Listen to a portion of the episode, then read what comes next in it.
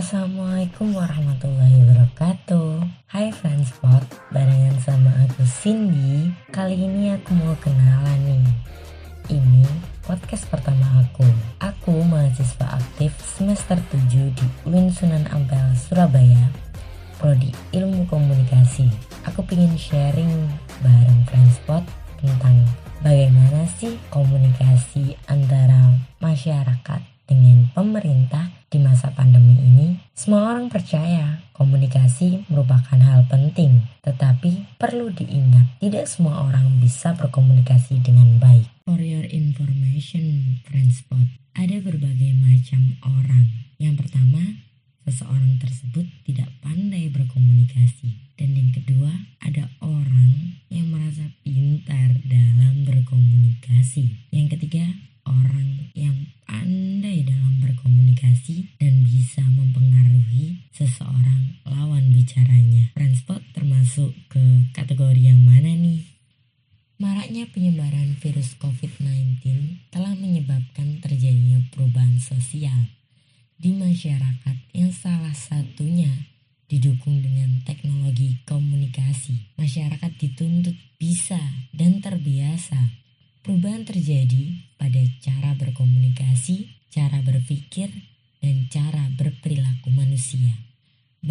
Kita bahas nih yang pertama, pendekatan komunikasi antar manusia itu apa aja sih?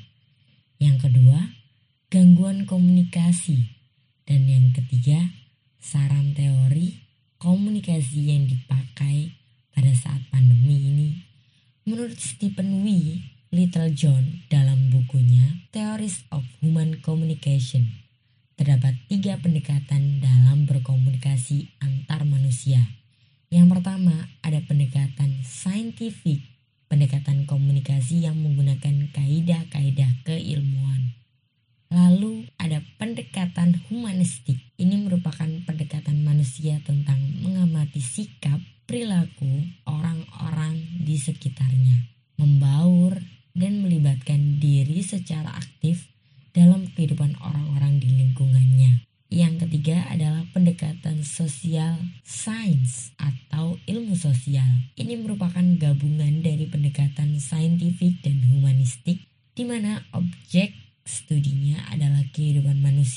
termasuk di dalamnya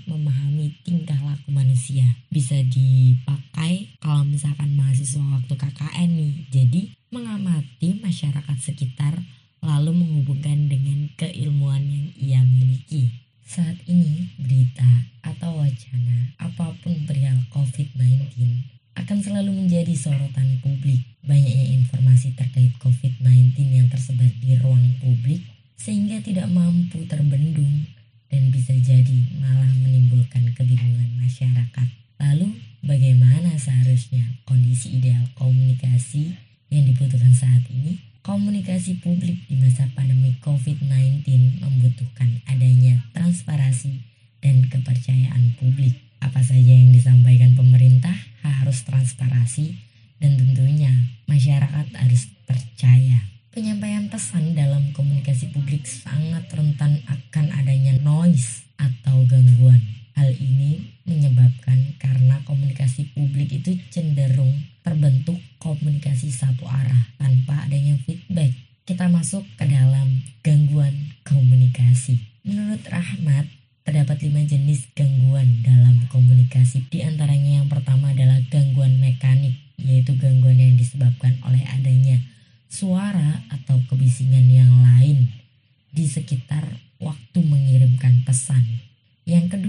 ada gangguan personal, yakni gangguan kondisi fisik komunikator, entah dari komunikator ataupun komunikan.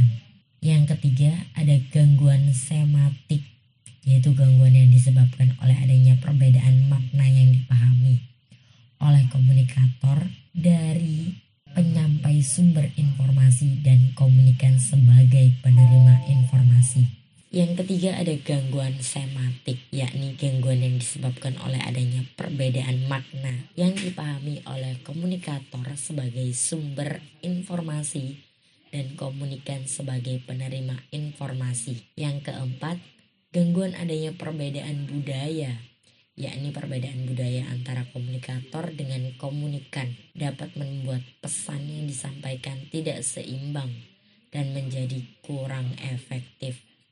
Yang terakhir, ada gangguan ketiadaan feedback, yakni tidak ada timbal balik dari komunikan kepada komunikator. Kita bedah satu persatu. Yang pertama tadi ada gangguan mekanik yang disebabkan oleh suara atau kebisingan lain di sekitar pengirim pesan. Ini biasanya ada gangguan saat komunikasi secara langsung.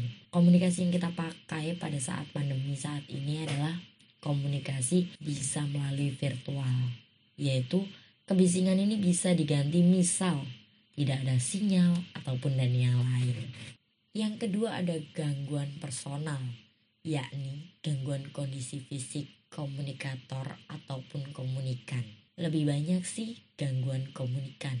Misal, kita masyarakat sebagai penerima informasi sudah banyak sampah yang ada di media sosial, terlalu banyak berita hoax tentang vaksin, tentang berita COVID-19 yang lain, ditambah dengan pemerintah yang memberikan informasi tentang COVID-19 sehingga informasi tersebut tidak dapat secara penuh kita serap. Yang ketiga ada gangguan semantik, yaitu gangguan yang disebabkan oleh adanya perbedaan makna yang dipahami oleh komunikator sebagai sumber informasi dan komunikan sebagai penerima informasi.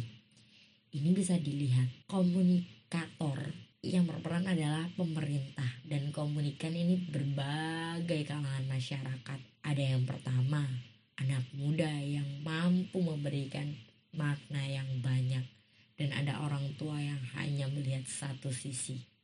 Sudah bisa terlihat di sini terdapat gangguan semantik. Dan yang keempat ada gangguan adanya perbedaan budaya. Perbedaan budaya di sini yang dimaksud bisa komunikan tersebut adalah seseorang dari kota, seseorang dari pedesaan yang teknologinya kurang dan hanya menerima informasi tersebut secara mentah-mentah. Dan yang terakhir ada gangguan ketiadaan feedback.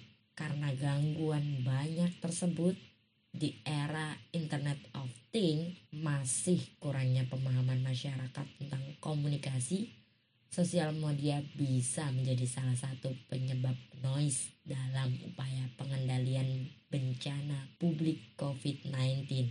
Pro dan kontra terhadap cara masyarakat memahami COVID-19 tercermin dari hebohnya geliat komunikasi di media sosial. Hal ini disebabkan karena adanya informasi yang kurang komprehensif akibat gangguan komunikasi publik. Ketika noise terjadi di tengah masyarakat, diharapkan pemerintah bisa memperkecil noise tersebut. Masyarakat ataupun pemerintah di sini bisa menggunakan teori tindakan beralasan atau theory of reason action yang diusulkan oleh Adzain dan Fishbein pada tahun 1980 dan diperbarui dengan teori perilaku direncanakan atau theory of planned behavior. Teori ini itu tindakan beralasan mengasumsikan perilaku ditentukan oleh keinginan individu untuk melakukan atau tidak melakukan suatu perilaku tertentu atau sebaliknya.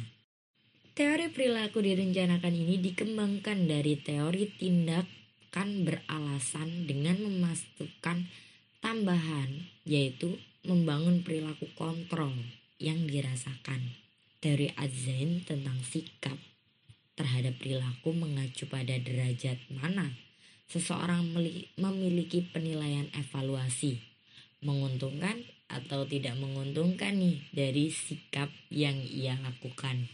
Hubungan sikap terhadap perilaku yang menggambarkan probabilitas sub subjektif bahwa perilaku dalam pertanyaan akan menghasilkan hasil tertentu dan evaluasi. Bisa dilihat nih tentang bagaimana kelompok melihat perilaku dan evaluasi yang pada umumnya diekspresikan sebagai motivasi individu untuk mematuhi kelompok-kelompok rujukan. Dalam konteks ini, sikap keyakinan perilaku dan konsekuensi logika rasa terhadap bahaya COVID-19 perlu disinergikan bersama antara pemerintah selaku komunikator dan masyarakat selaku komunikan, mengubah pola komunikasi verbal dan nonverbal di tiap jenjang.